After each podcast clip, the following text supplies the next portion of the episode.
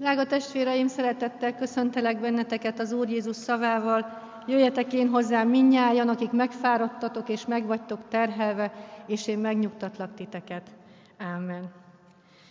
Templomi Isten tiszteletünk kezdetén a 134.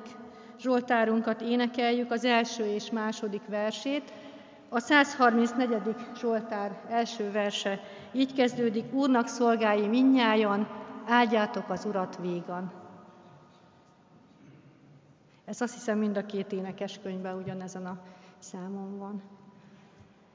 Úrnak szolgái minnyájan,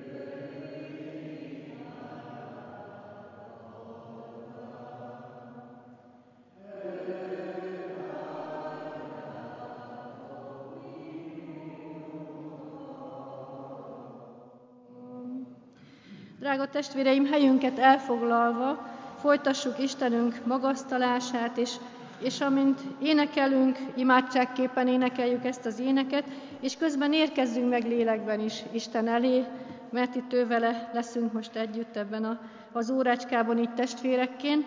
A 824. dicséretünk első és ötödik versét énekeljük. A 824. dicséret első verse így kezdődik, Szólj, szólj hozzám, Uram, mert szolgált hallja szódat.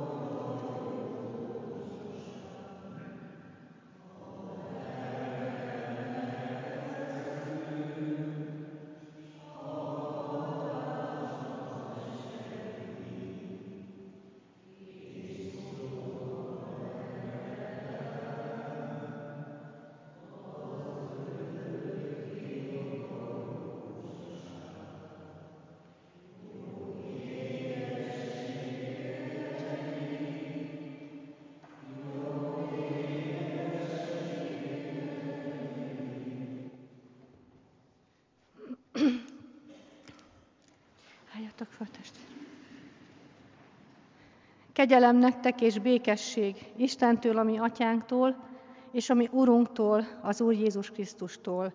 Ámen.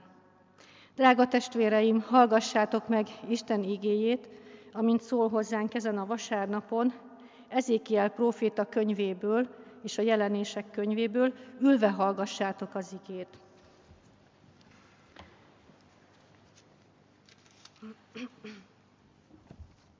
Ezékiel próféta könyvének 37. részéből szól hozzánk Istenünk mai mennyei üzenete, az első 13 versből, illetve a 13.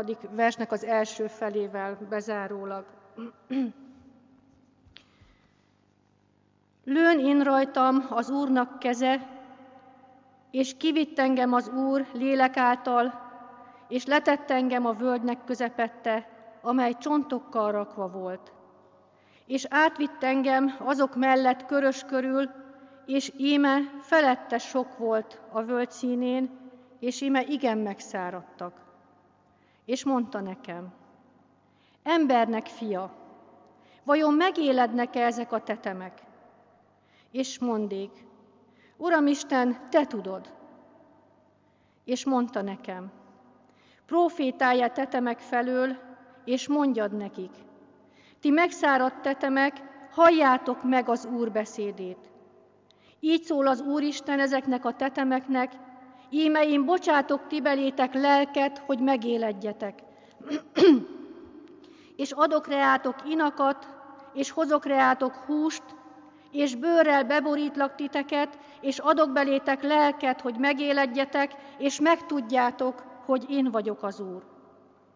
És én profétálék, amint parancsolta nekem, és amikor profétálnék, lett zúgás és íme zörgés, és egybe mentek a tetemek, mindegyik tetem az ő teteméhez.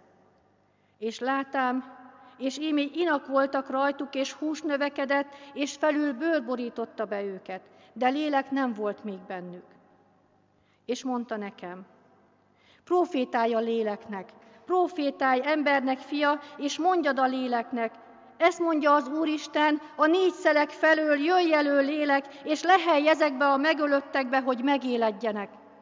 És profétálék, amint parancsolta. És beléjük ment a lélek, és megélettek, és álltak lábaikra felette igen nagy sereg. És mondta nekem, embernek fia, ezek a tetemek az Izrael egész háza. Íme ezt mondják, elszáradtak a mi csontjaink, és elveszett a mi reménységünk. Kivágattunk. Annak okáért profétálj, és mondjad nekik, így szól az Úristen, íme én megnyitom a ti sírjaitokat, és kihozlak titeket a ti sírjaitokból én népem. Beviszlek titeket Izrael földjére, és megtudjátok, hogy én vagyok az Úr. Drága testvéreim, Isten áldja meg közöttünk az ő igényének hallgatását, áldjon meg bennünket, hogy be tudjuk fogadni, földi halandók, a mennyei üzenetet, és meg tudjuk azt élni, és gazdagodhassunk általa, feleljünk az ő megszólító szavára, imádkozzunk ezért.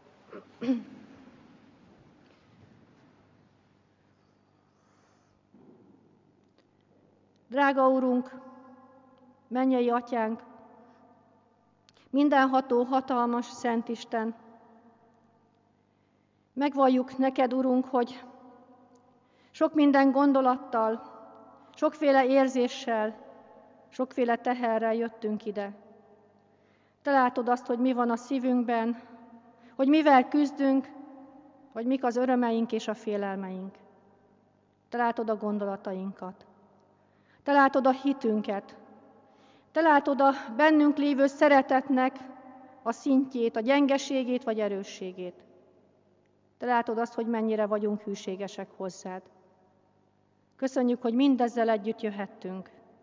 Ahogy vagyunk, amint vagyunk, mert úgy szeretsz és úgy fogadsz el bennünket, amilyenek vagyunk. Mert nem megítélni akarsz, hanem magadhoz ölelni. És köszönjük neked, Atyánk, ezt az ölelést, amire mindennél nagyobb szükségünk van ebben az ölelés nélküli világban. Köszönjük, hogy szeretsz. Akkor is, amikor elfeledkezünk a szeretetnek még a fogalmáról is. Köszönjük, hogy szent vagy, és igazságos. Köszönjük neked, hogy békességet akarsz teremteni bennünk és körülöttünk. Köszönjük, hogy életet akarsz plántálni a mindennapjainkba. Köszönjük, hogy jelen akarsz lenni. Urunk, kérjük tőled ezt az áldott jelenlétet, erre a mostani alkalomra is, és minden egyes napjára az életünknek. Kérjük téged úgy, hogy tudjuk, hogy jelen vagy, de add, hogy mi is tudatában legyünk a te jelenlétednek, és ebből a tudatból, ebből a hitből, ebből a bizonyosságból erő származhasson ránk, és, és áldás hullhasson az életünkre. Köszönjük neked, hogy olvashatjuk a Te ígédet, hogy megvalhatjuk a hitünket. Köszönjük, hogy nem vagyunk üldözöttek. Köszönjük, hogy bátran beszélhetünk rólad, és, és köszönjük neked azt, hogy újra és újra és minden napon, ha visszanézünk a nap végén, bármilyen teherrel, bármilyen mélységgel volt is, vagy van is tele, azt mondhatjuk, hogy megharcoltuk, meg tudtuk harcolni a te kegyelmedből és irgalmadból. Addurunk annak a bizonyosságát, hogy mindaddig így lesz, amíg itt leszünk ebben a világban, amíg haza nem hisz bennünket. És kérünk téged, hogy áld meg közöttünk a te igédet, hogy a te igéd élő és ható legyen. De tudjuk azt, hogy akkor lesz élő és ható, hogyha szent lelked szól, és szent lelked van jelen, és szent lelked érint meg bennünket. Kérjük ezt az áldott drága szent lelket, a te lelkedet, Urunk, hogy lehely belénk életet, belénk az élettelenekbe. Köszönjük, hogy bár nem vagyunk méltók arra, hogy eléd jöjjünk, de az Úr Jézus nevében jöhetünk. És az ő nevéért, az ő értünk kihullott véréért kérhetjük tőled, hogy áld meg a mi mostani alkalmunkat. Add, hogy érezhessük a testvérségben rejlő erőt, hogy mi együtt mindannyian a te gyermekeid vagyunk, és egyformák vagyunk, és egyformán szeretsz bennünket.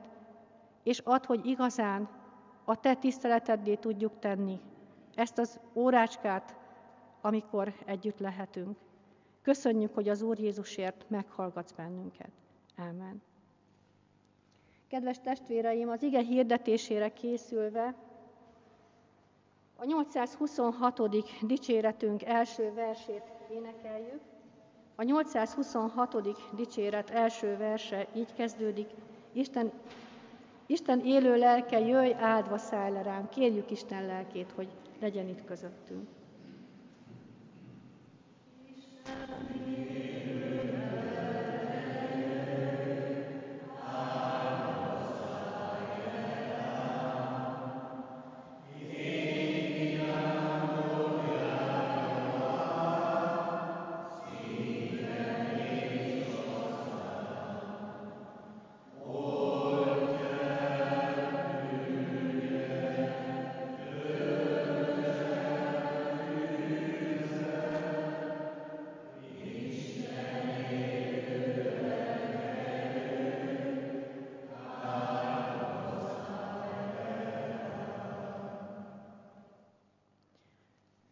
Testvéreim, Isten igéjét az előbb olvasott ige szakaszból szeretném felolvasni, és a jelenések könyvének a második részéből az ige olvasását és azt az üzenetet, amit szeretnék átadni nektek, amit én is kaptam az Úrtól, ülve hallgassátok.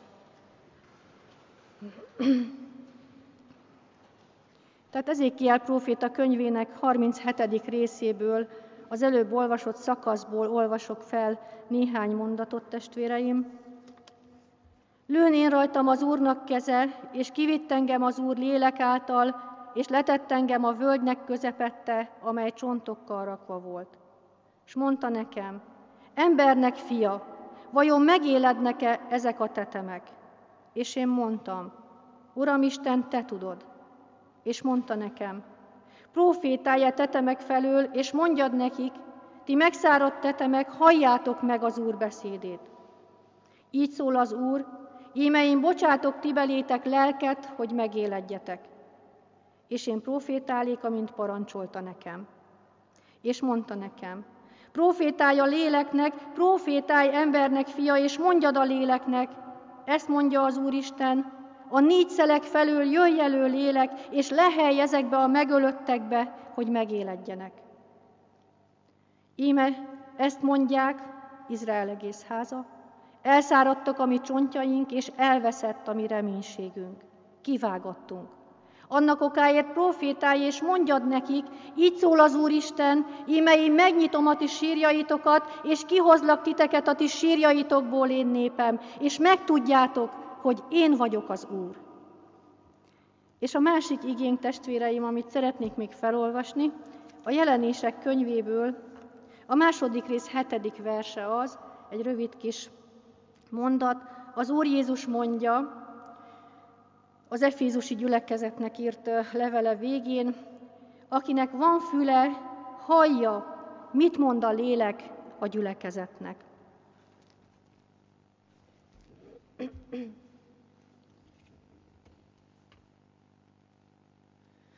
Drága testvéreim, egy nagyon kis rövid időre, egy pár mondatra tegyünk egy időutazást. A Krisztus előtti 590-es évek valamelyikében vagyunk, nem tudjuk pontosan. Abban az időben, amikor Isten választott népe, a zsidó nép fogságban van, fogságban szenved. A nagyhatalmú, hódító babiloni király, Nabukodonozor elhurcolta őket a hazájukból, mondhatjuk így, hogy deportálta őket. Ez volt az első deportálása a zsidó népnek a, az ószövetségi történetek során. És a zsidó foglyok között, akik tulajdonképpen rabszolgaságban voltak a nagy babiloni birodalomban, élt egy pap, akit Ezékielnek hívtak, és ez az Ezékiel nevű pap egy csodálatos látomásban megél valamit, valami rendkívülit, valami egészen különlegeset, nem evilágít, és kap egy fantasztikus jövőképet a nemzetéről, kap egy fantasztikus jövőképet az Úrtól, egy olyan nemzetnek a tagjaként, akik, ahogy olvassuk, a saját életükről és népük életéről is már csak ezt tudják mondani, és ez az életérzés telepszik rájuk, Ma, ma valószínű depressziónak hívnánk ezt, akkor még nem ismerték ezt a szót, hogy elszáradtak a mi csontjaink, és elveszett a mi reménységünk, végünk van. És látomásban, siralmas, élettelen állapotban látja ezt a népet, a nemzetét, csontokként egy hatalmas völgyben. És ott kapja az Úr ígéretét, ezen a látomáson keresztül. Engedjük meg az Úrnak, testvéreim, hogy nekünk is látást adjon, egy nagyon kicsit másféle szemszögből a világunkra, mint ahogyan nézni szoktuk, mert hát emberi szemszögből nézve az ember csak annyit lát, hogy valahogy minden rossz irányba fordul. Valahogy minden olyan negatívvá válik, és jönnek újabb és újabb történések, próbák, tragédiák az emberiség életében, újabb és újabb kihívások és szenvedések, és, és valahogy az ember ugyanúgy, mint ahogy annak idején, Krisztus előtt 590-ben, az ember azt érzi, hogy hogy elszáradnak lassan a csontjaink, és, és nincsen reménységünk, és mire nézzünk, és egyáltalán az utódaink számára is. Milyen világ várható? Mi fog, mi fog jönni még itt? Valóban mi is a csontok völgyében vagyunk, valamiféle csontok völgyében. Ez a harmadik évezrednek a völgye, ami kísértetiesen hasonlít Ezékiel látomására. Ez az a hely, ez a mi világunk, ez a mai életünknek, a mi életünknek a helyszíne az űrtörténet utolsó korszakában. Abban a korszakban, amikor már végérvényesen kimondható az, hogy az ember megfosztotta magát saját döntésből, saját döntéséből, a lélektől az Úrnak a lelkétől. Ó emberek irányítanak, ó embereket, és minthogyha minden, minden a pusztulás felé haladna. Ezt látjuk.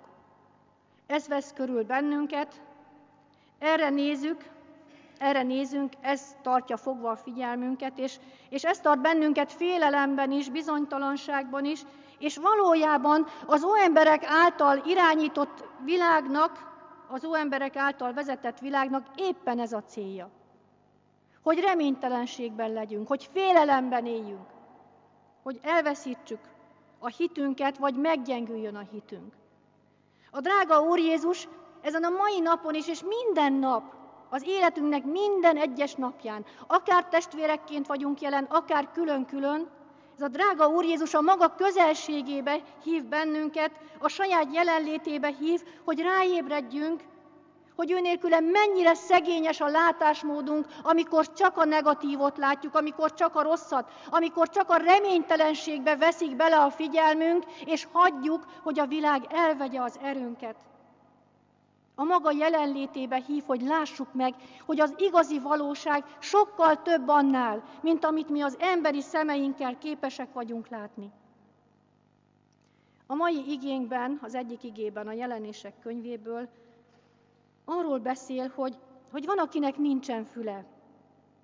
És már a lélek szól, és a lélek beszél, és a lélek itt van, jelen van a világban, hiszen az Úr Jézus megígérte, hogy az ő vigasztaló szent lelkét adja nekünk, a lélek szól, de az ember nem tudja meghallani a léleknek a szavát. És ez nem azért van, mert nem jó a fizikai hallása.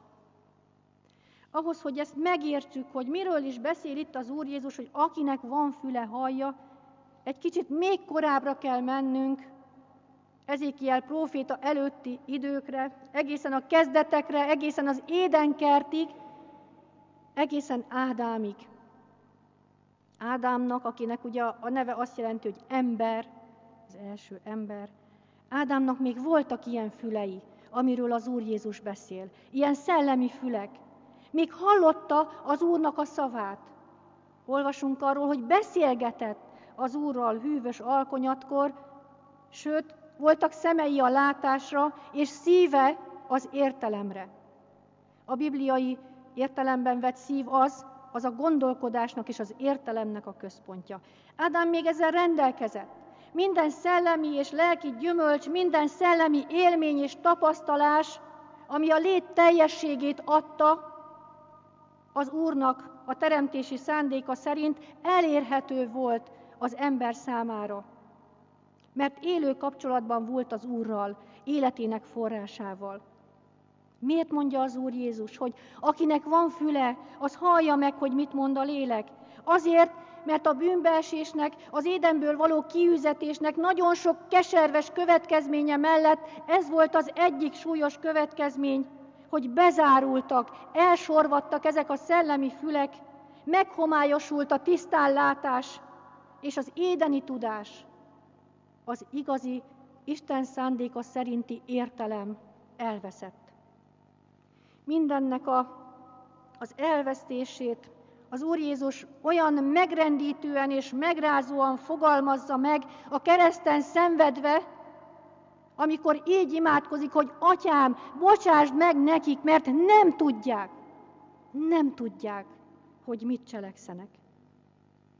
És igaz, ez az embervilág nem tudja, hogy mit cselekszik. És hogyha ebbe úgy igazán belegondolunk, akkor valóban ijesztő egy olyan világban élni, ahol az emberek nem látnak, nem hallanak, nem értenek, ahol nem tudják azt, hogy mit cselekszenek. Ijesztő egy olyan világban élni, ami a csontok völgyévé lesz az ember hitetlensége által, vagy azáltal, hogy az ember Istenné akar válni. Jézus szemével láss, erre hívja fel a mai üzenet a figyelmünket, és, és erre biztat az Úr bennünket, hogy az ő szemével lássunk, hogy mennyei szemszögből nézzük az életet. Pusztul a világod. Katasztrófák vannak, járványok jönnek, éhínség, halálos betegségek és háborúk vannak. És hányszor az Isten okolják ezért? Hányszor az Isten neve merül föl az embervilágban? Ezek miatt a dolgok miatt. Pusztul a világ? Igen. Pusztul, mert az ember nem tudja, hogy mit cselekszik, mert az ember nem lát és nem hall. És csak a benne uralkodó egóval, azzal a nagy énnel, amiről az a Biblia azt mondja, hogy az az óemberi természet, akik lennénk vagy vagyunk, az Úr Jézus nélkül, ezzel próbálja meg uralni a világát és a környezetét.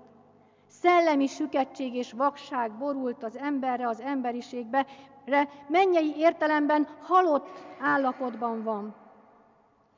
Csontok és csontok, és élettelenség, lelki és szellemi értelemben, élettelenség mindenfelé. És ott van a kérdés az ember lelkében, van-e még jövője, van-e jövője, és van-e reménye az embernek? Van-e jövőm, és van-e reményem, és van-e jövője, és van-e reménye az utódainknak?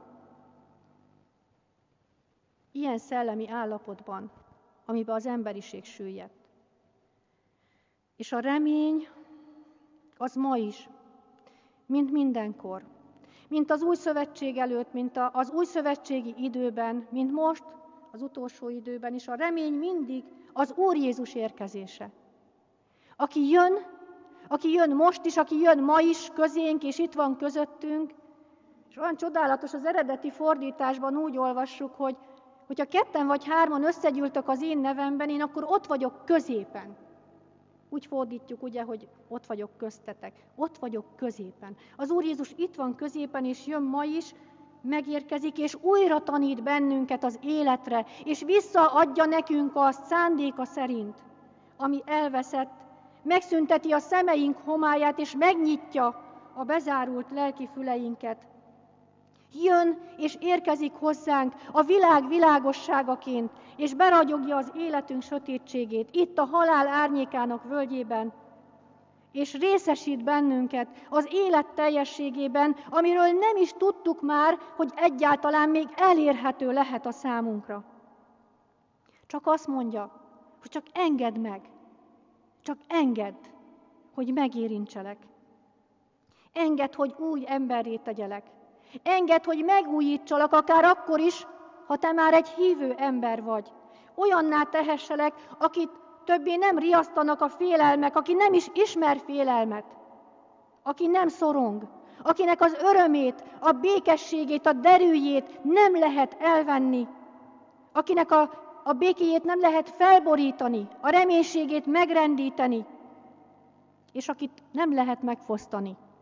Semmilyen történés ellenére sem a jövőképétől. Az Úr Jézus jön, aki segít szellemi értelemben, kisgyermekből felnőttként válnunk, olyan felnőtté, olyan felnőtté, akivel nem tehetnek már, amit akarnak. Se a körülötte lévő dolgok, se az óemberek, akiknek hatalma van, se a saját életének a történései. Aki már ebben az életben, már ebben a földiben visszakapja az édeni állapotot, és megéri az élet teljességét. És azt mondja az Úr Jézus, hogy ez elérhető a számunkra, és ez a miénk lehet. Az Úr Jézus azt mondja, hogy én melletted vagyok, hogy értsd meg egyszer és mindenkorra, és nem csak akkor, amikor szól az ige, és nem csak amikor imádkozol, és nem csak amikor Bibliát olvasol. Értsd meg, hogy én mindig, a világ végezetéig, és még azon túl, melletted vagyok és benned élek. És ne kívülről várd, ne körülötted lévő helyekről vagy emberektől várd az életnek a jeleit, mert az élet benned van, az öröm benned van, a bizonyosság benned van, és az erő benned van, mert én benned vagyok. És az, hogy én mennyire vagyok benned, az a te döntésed. Az rajtad múlik, egyedül rajtad.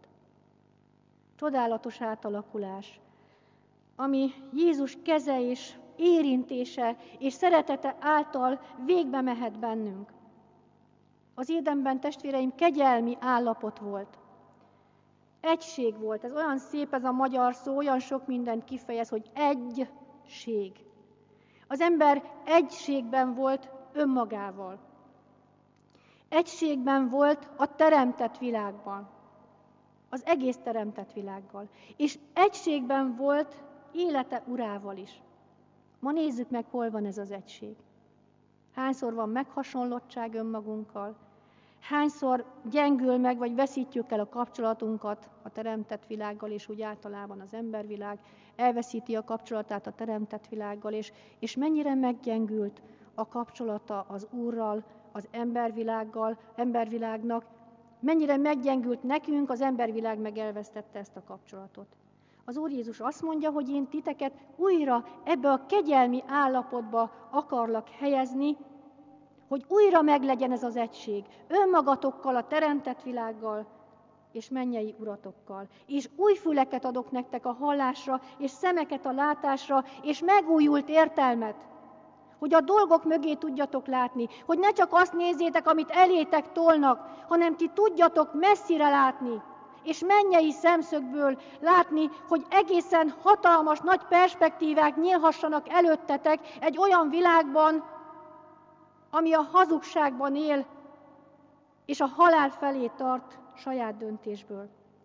És azt mondja az Úr Jézus, hogy én mindent akarok nektek, de a ti döntésetek az, a te döntésed az, hogy akarsz-e hallani igazán, hogy akarsz-e látni, akarod-e látni a valóságot, és akarsz-e tudatosan élni. És minden nap meg kell hozni ezt a döntést. És minden nap azt kell mondani, hogy igen, Uram, én akarom ezt a szellemi ébredést, én akarom a Te lelkedet, akarom a Te lelked jelenlétét megélni. Akarom hallani a Te lelked szavát. Én akarok úgy élni olyan tudatosan, hogy tudom azt, hogy bár a csontok völgyében járok a minden napjaim során, de Te vagy az én Uram, és a Te kegyelmedből mégiscsak fényes utakon járok. Csodálatos elhívásban és kegyelemben élhetem az életemet. Az Úr Jézus arról beszél itt a jelenések könyvében, hogy nem engedhetjük meg magunknak, hogy zárva tartsuk a füleinket, és hogy elfeledkezzünk a vele való élő kapcsolatról, mert különben sodorni fog, és sodor is bennünket a világ, és testvéreim, velem együtt tapasztalhatjátok ezt ti is nap, mint nap. Jönnek a történések, visznek bennünket, feltámadnak a félelmek, elvétetik az erő, amit az Úrtól kapunk. Egy-egy igehirdetésből, imádságból, egy-egy vele való együttlétből. Elvétetik tőlünk az öröm, a reménység és a szívünk békéje oda, és minden felborul. És azt mondja az Úr Jézus, hogy minden nap meg kell hozni éppen ezért a döntést, hogy, hogy azt mondjam minden nap, hogy köszönöm, Uram, hogy igen mondtál erre a mai napomra is, és, és én ma is akarom hallani a te lelkednek a szavát. Az embervilág nem tudja, mit cselekszik, az embervilág halad a veszedelem felé, de te az Úr útján jársz, és az új Úr útján járj. Te tudod, hogy mi a feladatod ebben a világban. Az Úr szól, a lélek szól, de egészen más frekvenciákon szól, nem e világi frekvenciákon. Ezekkel a fülekkel nem lehet megérteni. Ezekkel a fülekkel, amíg itt vannak a fejünkön, csak szavak. Az összes bizonyságtétel, az összes prédikáció is csak szavak és szavak hatástalanok, idegenül hangzók, olyanok, amire azt mondjuk, hogy nem nekem szól, hanem a mellettem ülőnek, a szomszédomnak. Zárt fülekkel, rejtve marad mindaz, és zárt szemekkel, zárt szívvel, ami az életet munkálná benned. Szeretnék elmondani nektek egy történetet, vagyis egy saját tapasztalásomat. Kétszer voltam egymás után hevesen egy Isten tiszteletet tartani, meghívtak oda helyettesíteni, és az első alkalommal nagyon éreztem azt, hogy ott van Istennek a lelke, velem is, bennem is, együtt, ahogy ott együtt voltunk, és már az ige hirdetés kezdetén észrevettem, hogy ott van két ige felírva a karzatra vagy az orgona alá, és mind a kettő nagyon sokat jelentett. Az egyik az Úr az én pásztorom, nem szűkölködöm, és volt még egy másik ige, és annyira csodálatos volt azt megélni, hogy az Isten üzen azon az igén keresztül. És az egész Isten tisztelet alatt érezhető volt a léleknek a tüze ott közöttünk, bennünk, és aztán amikor a második alkalommal mentem, akkor túlságosan tele voltam a világnak a zajával, a saját életemnek a nyügjeivel és problémáival, és persze készültem, és tudtam, hogy mit akar Isten, hogy átadjak, de, de valahogy nem volt ott ez a tűz, mert nincs ott mindig a tűz. Ha nem figyelünk eléggé az Úrra, nincs ott a tűz. És fölmentem a szószékre, és, és, és átadtam az üzenetet, és éreztem, hogy nem az a tűz, mint ami két héttel azelőtt volt, és, és aztán képzeljétek el, hogy egész idő alatt nem láttam meg azt a két igét. Ott volt előttem ugyanúgy, mint az első alkalommal, de rejtve maradt, mert, mert zárt szemekkel voltam. Mert valahogy zárt szívvel voltam, mert valahogy a problémáim elzárták előlem a látást, a világnak az aja elzárta előlem a látást és a hallást, és amikor vége volt mindennek, és mentünk ki a templomból, akkor néztem fel arra a két igére, és akkor értettem meg azt, hogy, hogy milyen az, amikor, amikor nincs meg az élő kapcsolat az Úrral, és ott van a szemed előtt, és kiböki a szemedet az Istennek az éltető üzenete, és nem látod meg. Ott van, olvashatnád, vannak testi szemeid, de nem ez a lényeg. A lelki szemek, A lelki fülek, az a lényeg. Hiába vannak nyitva a mi testi szemeink, hogyha a lelki zárva van. Hogyha homályos látásban vagyunk, és homályos a látásunk, akkor is, ha hívő emberek vagyunk, hogyha nem vagyunk napi kapcsolatban, tudatosan és éberen az Úrral. És így volt elrejtve előlem az a két ige, ami azelőtt két héttel a mindent jelentette azon az alkalmon. Azt mondja az Úr Jézus, hogy a belső csendben tudod megnyitni a füleidet. Abban a belső csendben, amiről ő ilyen kedvesen vagy csodásan fogalmaz, hogy amikor beszélni akarsz a te mennyei atyáddal, akkor menj be a te belső szobádba. Mi a belső szobád? Az a, az a, az a legbelsőbb éned, ott a lelkedben, aki igazán vagy, akit senki nem ismer, még saját magad se talán, akit csak az Úr ismer. És azt mondja az Úr Jézus, hogy ebben a csendességben, ebben történik meg az, hogy megnyílnak ezek a lelki fülek a hallásra. Miért nehéz hallani a léleknek a szavát, a léleknek a hangját? Azért, mert megszoktuk a zajt. Mert megszoktuk a káoszt, a rohanást, a kiabálást a világunkban. A lélek szavát a belső csendességben lehet hallani. A lélek nem üvölt, nem harsog, sőt, azt olvassuk, hogy nem is marad meg harsogó helyen. Ahol indulatok vannak, ahol harag van az emberi szívben, ahol gyűlölet lakozik, ott nem marad a lélek, onnét elmegy. Hogyha akarod, hogy veled legyen, hogy veled maradjon, ha akarod, hogy szóljon hozzád, hogy időt töltsön veled, ha akarod a csodát, hogy betöltsön és megelevenítse az életedet, ahhoz átrendezés kell és takarítás kell az életedben. Megtisztítani mindattól, amire az Úr azt mondja, hogy ez az én számomra a te életedben, ez idegen. Én ezzel nem tudok és nem akarok azonosulni. És hogyha ezt meg tudod tenni, akkor a lélek érkezik, és újra kinyílik, ami bezárult, újra kezedben a kincs, ami elveszett az az édeni kincs. És a lélek szól, és megtanít a mennyei nyelvre, megtanít, és megtanulod, megszokod az Úr Jézusnak a nyelvét, Istennek a nyelvét, az örökké valóság nyelvét. A bűneid miatt idegenné vált nyelvet. Újra tanulod. Jézus a kapocs ebben, aki újra és újra jön, és aki összeköt téged a te mennyei atyáddal.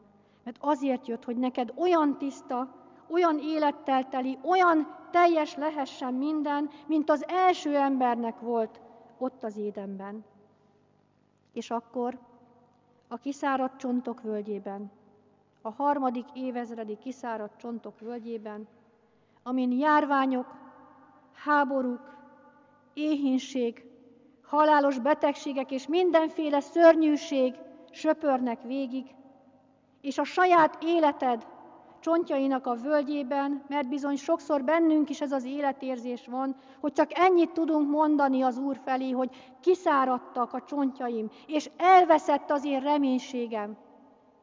Ebben, itt a csontok völgyében megkérdezi tőled az Úristen, ember fia, mit gondolsz? Megelevenednek még ezek a csontok? Tudod-e hittel mondani azt, amit Ezékiel próféta mondott, három évezrede, hogy te tudod, Uram. Te tudod. És hittel tudod-e fogadni az Úrtól a feladatot és a küldetést, hogy profétálj ezeknek a csontoknak. Profétálj ennek a világnak, profétálj a szeretteidnek, és profétálj önmagadnak is, mert nagyon sokszor szükséges ez, hogy profétáljunk önmagunknak is. Tudod-e mondani, hogy így szól az Úr, az én Uram, hogy én lelket adok belétek, és életre fogtok kelni, és kihozlak titeket a ti sírjaitokból, én népem. És akkor megtudjátok majd, hogy én vagyok az Úr. És elmondhatod-e majd akkor így, az Úr színe előtt, megállva, hogy Uram, én megtettem, én szóltam, én elmondtam, ahogyan parancsoltad nekem. Csodálatos dolog, ha ez meg fog történni velünk. Hát kérjük az Urat, hogy küldje el megelevenítő lelkét az életünkbe, szeretteink életébe, népünk, világunk életébe. Kérjük az Urat, kérjük az ő lelkét, hogy a négy égtáj felől jöjj elő lélek, és lehely ezekbe a megölöttekbe, akik körülöttünk vannak, és lehely ezekbe a megölöttekbe, amilyenek gyakran mi is vagyunk. Lehely belénk, hogy megéledjünk és megéledjenek. És adurunk, hogy megtapasztalhassuk a te lelked által azt a teljességet, amiben az első embernek része volt, és amit nekünk is adni akarsz, és amivel meg akarsz gazdagítani bennünket. Amen. Imádkozzunk.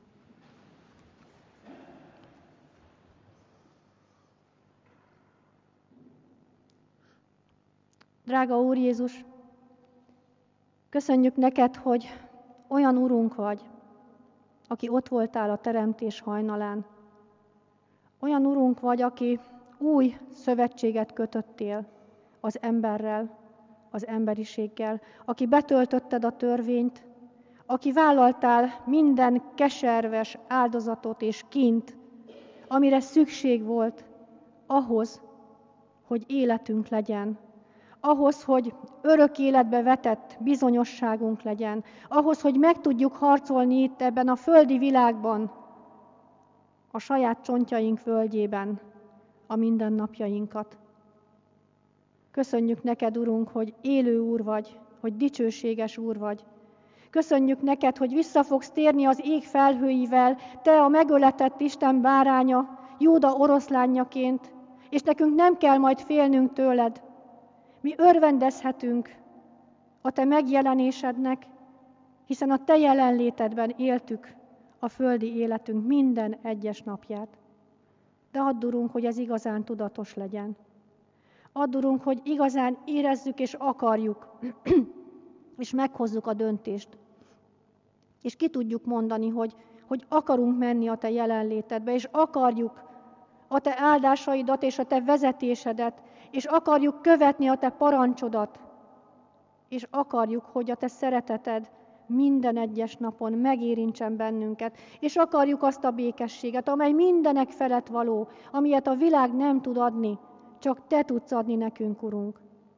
És akarjuk azt a látást, ami teljesen más, mint amire a világ akar vezetni bennünket, amivel mögé tudunk látni a történéseknek, a dolgoknak, és meg tudjuk látni az igazi valóságot, aki Te vagy, Urunk, aki ott ragyogsz mindennek a végén, az egész teremtés alfájaként és omegájaként, teremtő úrként és, és ítélethozó úrként, és olyan úrként, aki helyet készítesz nekünk.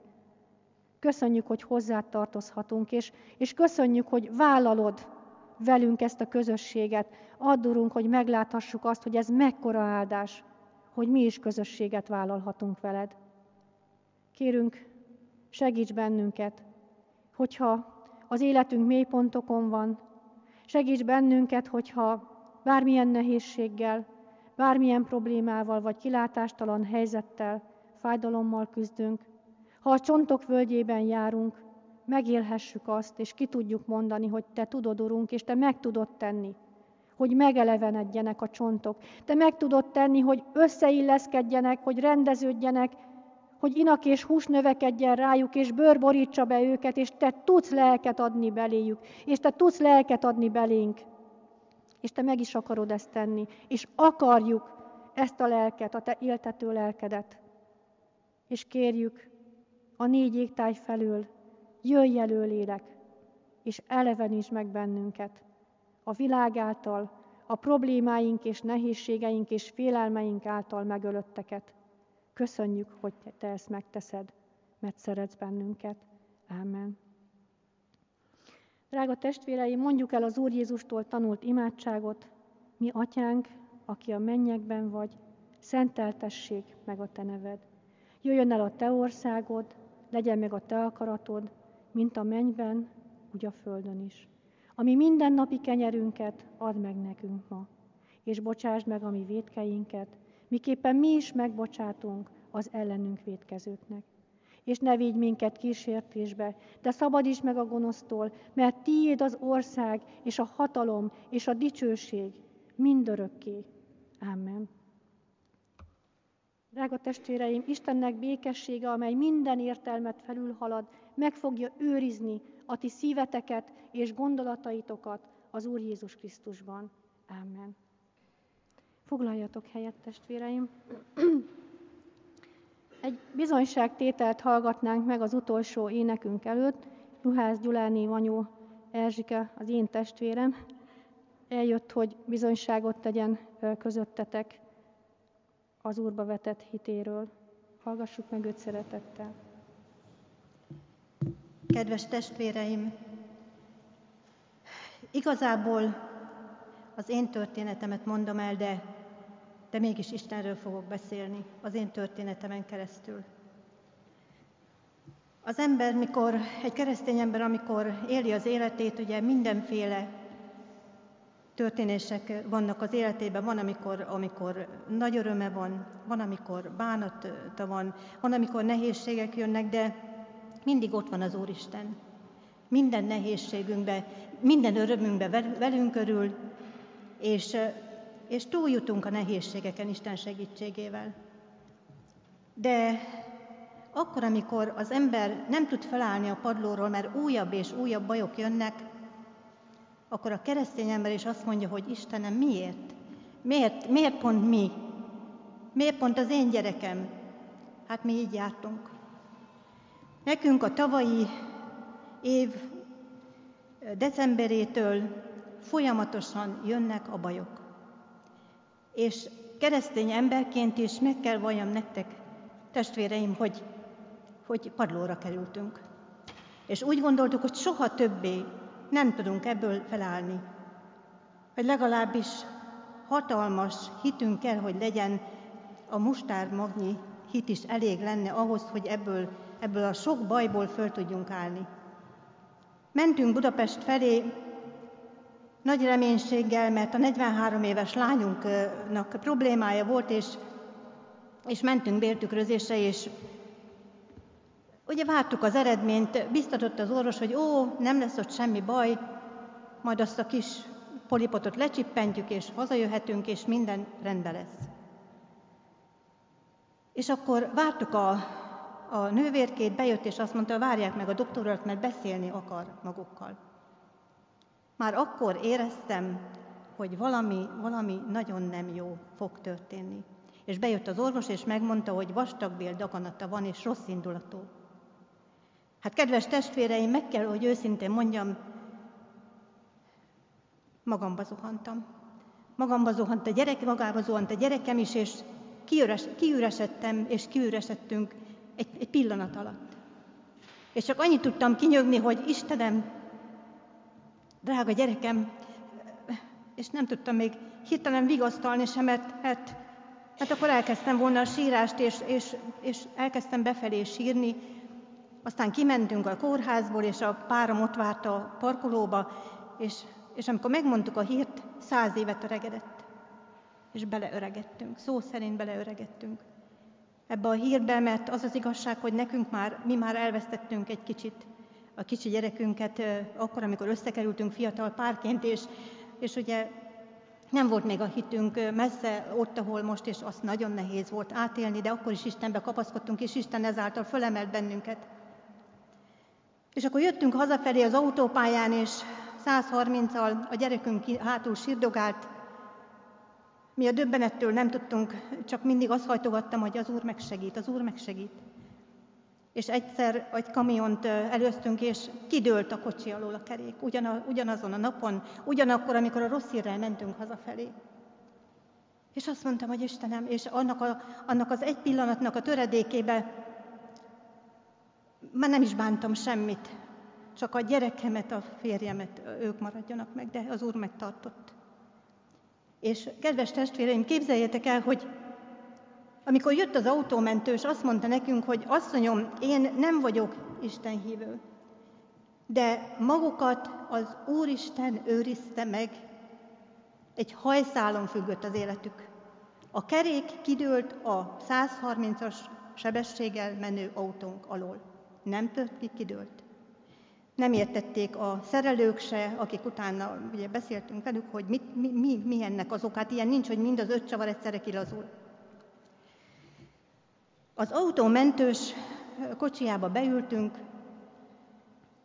végtelenül elkeseredetten mind a hárman, és mondta, hogy ő nem hiszi Istent. Ő mindent úgy ért el, hogy ő nem hiszi Istent, ő, ő, ő a saját erejéből jutott oda, ahol, ahol most tart. És elkezdtem neki Istenről beszélni. Ennek az ateista embernek, aki egyáltalán nem hitte Istent, és mindent a maga erejére hivatkozott és hagyatkozott, hogy ő, az ő csinálta, azt ő tudta. És kedves testvéreim, átmelegedett a szívem, mert, mert tudtam ennek az, ennek, a, ennek az istentelen embernek, hát csúnya szóval élve, beszélni Istenről, hogy Isten milyen hatalmas.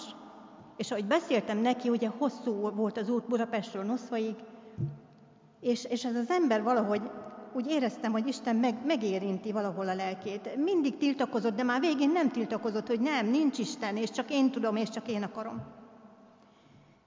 És hazaértünk, és számba vettük a ránk következő nehéz bajok sorát, hogy mi fog történni. És leültünk a párommal, és imádkoztunk, és kértük az Urat, hogy ezt a gyerekünket tartsa meg. Két gyerekünk van, egy fiunk és egy lányunk, és mindannyian Isten útján vagyunk, négy unokánk van, nem régen konfirmáltak a hugom lányával együtt, az unokahúgommal együtt, és azt mondtuk, hogy Istenem, a te utadon jár mind, az, az egész családunk, és, és itt már nem, nem történhet baj, mert, mert a te szárnyaid alatt vagyunk. És ahogy imádkoztunk a párommal, mintha egy függönyt húztak volna el előttem, és arra gondoltam, hogy Istenem, fölhasználtál engem, hogy a saját magam szívét is fölmelegítsem, azáltal, hogy másnak, olyannak, aki nem ismert téged, beszéltem rólad. És kedves testvéreim, nehéz időszakok jöttek. Még most a felénél vagyunk túl. A gyerekünk nagyon-nagyon beteg a kezelések után. Szörnyű látni, hogy jajgat, legszívesebben befognám a fülem, de nem tehetem, mert erősnek kell lennem, és befelé sírok, és bátorítom, és bátorítjuk, a, a párom is feljön, és, és reggelente, amikor olyan nagyon beteg, mindig mondja a párom, hogy voltál fönt, mondom, nem voltam még fönt, és olyan nehéz szívvel megyek fel, mert egy házba lakunk, egy, mi az alaksorba ők fönt, és mindig olyan nehéz szívem, hogy Istenem, jó hírt adjál, hogy jobban van, hogy jobban van. És ezt csináljuk már egy jó ideje.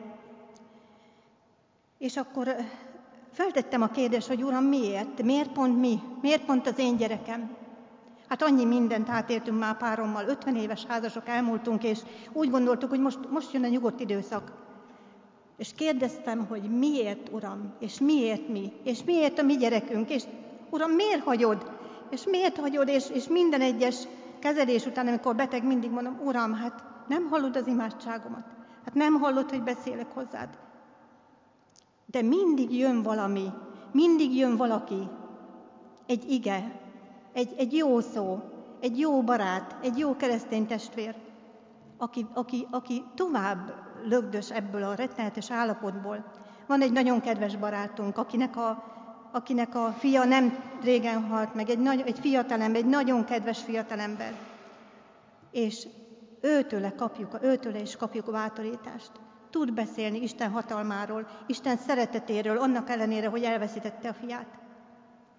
És kapjuk a, kapjuk a reménységet minden egyes alkalom után, és minden egyes alkalom közben, és mindig, amikor megyünk Pestre, mert minden második héten megyünk, és mindig kapunk egy igét. Az egyik keresztény testvérem, mert beszéltem, és mondtam, hogy Anikó, nem tudom, hogy hogy bírjuk ezt ki, biztos, hogy segít Isten, mert, kapaszkodunk, kapaszkodunk, és, és, és mindig kérjük, hogy ne, ne hagyja, hogy eltávolodjunk tőle emiatt. És azt mondta ez az Anikó testvérem, hogy hidd el, hidd el nekem, hogy Isten ott van a csónakba, a viharon, hánykolódik a csónakotok, de az Úr ott van, és nem alszik, és nem kell felkölteni. Nem alszik az Úr. És attól a barátunktól, akinek a fia meghalt, annyi jó, jó szót kapunk, és annyi biztatást, és, és őtőle, aki akkora veszteséget szenvedett, őtőle kapjuk azt, hogy meggyógyul, hidd el, hogy meggyógyul. És kapom az igéket, és kapom a szeretetet, és kapjuk a szeretetet a párommal. Kapja a lányom, amikor elmegyünk a gyülekezetbe, és, és a gyülekezet szinte minden tagja végig simít rajta, hogy ne add fel, Anna Mari, ne add fel, meggyógyulsz. Ezt halljuk a gyülekezettől, imádkoznak érte, és minden ima, minden ima olyan jól esik, mert mindig, mindig azt arra gondolok, hogy az imádság megmozdítja a világot, megmozdítja a szíveket, a kezeket. És képzeljétek el, hogy egy ilyen alkalommal, amikor szintén nagyon beteg volt a lányunk, és, és jajgatott, és fájt neki, és nem tudott tenni, mert három, két-három napig utána nem tud enni, nem tud inni, fölszárad a, a nyelve a szájpadlásához, és rettenetes látni, amilyen állapotban van. És lementem, és, és keresgéltem ott a könyveim között, mert egy nagyon picit, egy, egy, egy pillanatra akartam kizökkenni ebből, és kivettem a, kivettem a, a könyvemet, és kiesett egy papírlap, amit az unokám adott nekem három évvel azelőtt, amikor műtétre vártam. Az volt ráírva, hogy ne add fel. Hát nem csodálatos az Úr, hogy amikor lent vagy a padlón, és, és, és, és három szóval üzen, hogy ne add fel, ne add fel. És akkor megértettem, hogy az Úr üzen, és folyamatosan üzen, és folyamatosan üzen hogy mikor vizem mégy át, én veled vagyok. A folyókon azok el nem borítnak.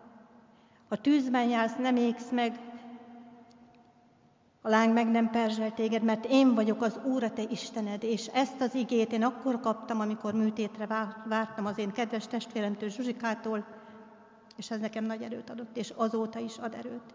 És ad erőt az, hogy István, kedves barátunk, mindig biztat és bátorít és hogy annyi ima száll hozzánk, és, és, és látom azt, hogy az Úr munkálkodik, mert, mert elhúzta azt a, homály, azt a, azt a függönyt, ami, ami, ami, ami homály volt a szememen, hogy, hogy még ennek az autómentős embernek is tudtam olyat mondani, abban a rettenetes helyzetben, hogy Isten hatalmas.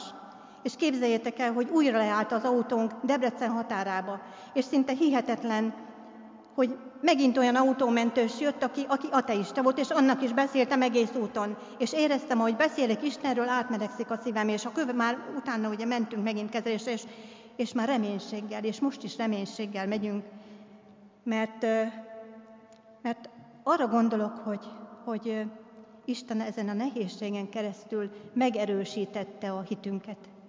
Én mindig elszörnyűköztem, mikor valaki azt mondta, hogy, hogy, hogy a tragédiák, a tragédiák útján is erősödik az ember hitbe. Mondom, Uram Istenem, csak, csak tragédiát ne adjál ránk, mert azt nem fogom kibírni. És ki kell bírni, mert az Úr ott van, és az Úr segít, és utánunk nyúl, és, és bátorít, és hatalmas, és nála semmi nem lehetetlen, nála minden lehetséges. Kedves testvéreim, nem tudom ki milyen terheket hordoz, én azért jöttem el ma, hogy ezt elmondjam nektek hogy, hogy az Úr szeretete a világon a leghatalmasabb dolog. Hogy az emberektől, akiktől a bátorítást kapjuk, ott is ott van az ő szeretete. Ott is ott van az ő lángja, az ő tüze, és, és az ő szava, hogy ne add fel, soha ne add fel. És mi ezzel a reménységgel, ezzel a reménységgel vagyunk most a kezelések kellős közepén. Most kaptunk egy jó hírt, hogy a daganat egy centit zsugorodott, hogy eltűnt az a három pici áttét, az a három pici csira, ami ott volt mellette, hogy eltűnt a kezelések nyomán, pedig már azt mondta most a gyerekünk, hogy nem csinálja tovább, föláll és, és, és nem csinálja tovább. És tegnap voltunk ez az a napon Budapesten, mindannyian, ő is feljött, az unokáim is, és rengeteg áldást kaptunk, és rengeteg bátorítást kaptunk. És, és láttuk, hogy Istennek micsoda hatalma van, amikor 40 ezer ember együtt imádkozta mi atyánkot, és úgy feltöltöttünk, és olyan, olyan jó Isten szeretetébe lenni. És azt mondom, testvéreim, hogy bármi ér bennünket, soha ne adjuk fel. Soha ne adjuk fel. Nem tudjuk, hogy miért már az élet delén vagy végén mi is azt hittük a párunkkal, hogy minden sinem van. Szép unokáink, okos unokáink, mindegyik Istennek a, a, a, a tenyerébe van, mindegyik Isten útján jár, hogy a gyerekeink, hogy kedves, jó gyerekeink vannak, és hogy minden rendben van. De, de jöhet egyszer egy pofon, és akkor először még azt elmondom nektek, hogy először szinte majdnem tolult a számra az, hogy Uram, miért bántol, miért, ezt nem bírom ki. De rá kellett jönnöm, testvérek, hogy nem az Úr csinálta ezt. Nem az Úr. A sátán. Ezek mind a sátán támadásai. És tudjuk azt, hogy nem a, há- a háborút nem az Úr csinálja. Mind a sátán. Mind a sátán embereken keresztül. És bármi baj van a Földön, nem, nem, nem Isten csinálja a rosszat. Isten minket békességre teremtett, és szeretetre teremtett, jóságra teremtett. Isten azért teremtett bennünket, hogy örüljünk, hogy örvendjünk. És, és igen, nekem is azt mondta, hogy, hogy, hogy álljak ellen a sátán támadásának, és bízzak benne. Úgyhogy, kedves testvéreim, erről szerettem volna nektek beszélni. Nem is az én történetem a fontos, hanem Isten dolgai, hogy mindig utánunk nyúl. Mindig. És engedjetek még meg egy verset, amit nagyon elkeseredésembe írtam, mert Isten megsegít azzal, hogy ki, tud, ki tudom magamból írni a, a, valamennyire a fájdalmamat. És remélem, hogy ez, amit elmondtam nektek, nektek is fog segíteni, ha esetleg valami bajba kerültök. A csendtorkában. A csendtorkában dobog a szívem. A csendtorkában haldoklik a szó. Fogva-cogva diderget az élet, és megárad a rettentő folyó. Tündérkertem sivárkerté válik. Letarolja az északi szél. Ákkarokról pusztulásba hullik a bársonyszirom és minden levél. Ha ránézek széttört önmagamra, nem fájdít engem a veszteség, csak aki bennem volt és az enyém, neki deríts fel beborult egét. Uram, minden imádságom indítsa meg hatalmas szíved, sződd át nagy békességgel tengerként háborgó lelkemet. Minden keserves könnyem átadom. Legyen belőle szép szelíd patak, és minden gyötrő, kínzó fájdalmam fényé váljon, mutasson utat. És remény legyen minden sóhajomból, és nagy diadal a gonosz felett. Uram, tudod, hogy nem lázadás ez, csak rám zuhantak a kérdőjelek. Köszönöm, hogy meghallgattatok. Áldás békesség!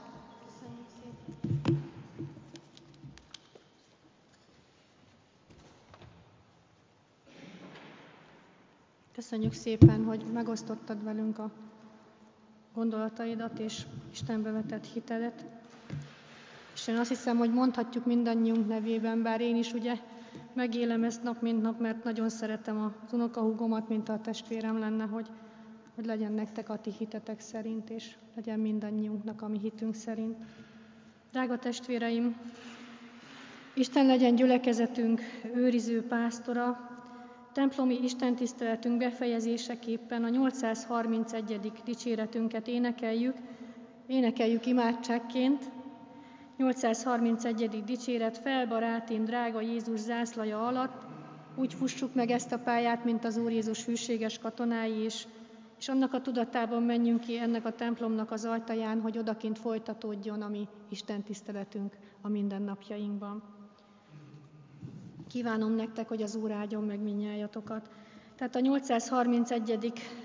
dicséretünk, felbarátim, drága Jézus zászlaja, mind a négy versét énekeljük el.